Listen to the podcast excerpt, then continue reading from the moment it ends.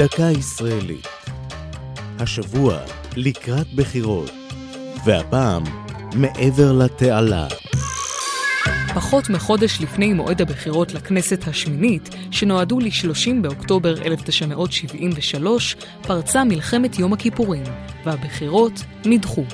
כשנקבע מועד הבחירות המחודש ל-30 בדצמבר, כחודשיים מתום הקרבות, חלחלה ההבנה שתהיינה אלה בחירות במדים.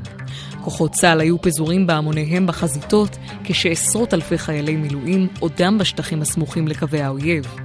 במסע הבחירות הרבו המפלגות לפנות ישירות אל החייל בשטח. סוגיית השירות במילואים הגיעה אף לפתחו של בית המשפט העליון, כאשר הוגשה עתירה לפסול את מועמדותו לכנסת ברשימת הליכוד של מפקד צליחת תעלת סואס, האלוף אריאל שרון, מאחר שעודו בשירות מילואים. העתירה נדחתה.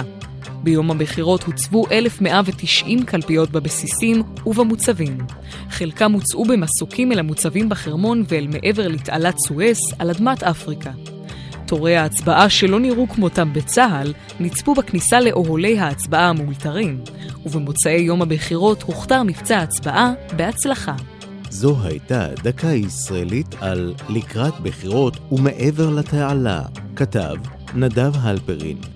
ייעוץ הדוקטור עופר קניג. מפיקה אור זועי סולומוני.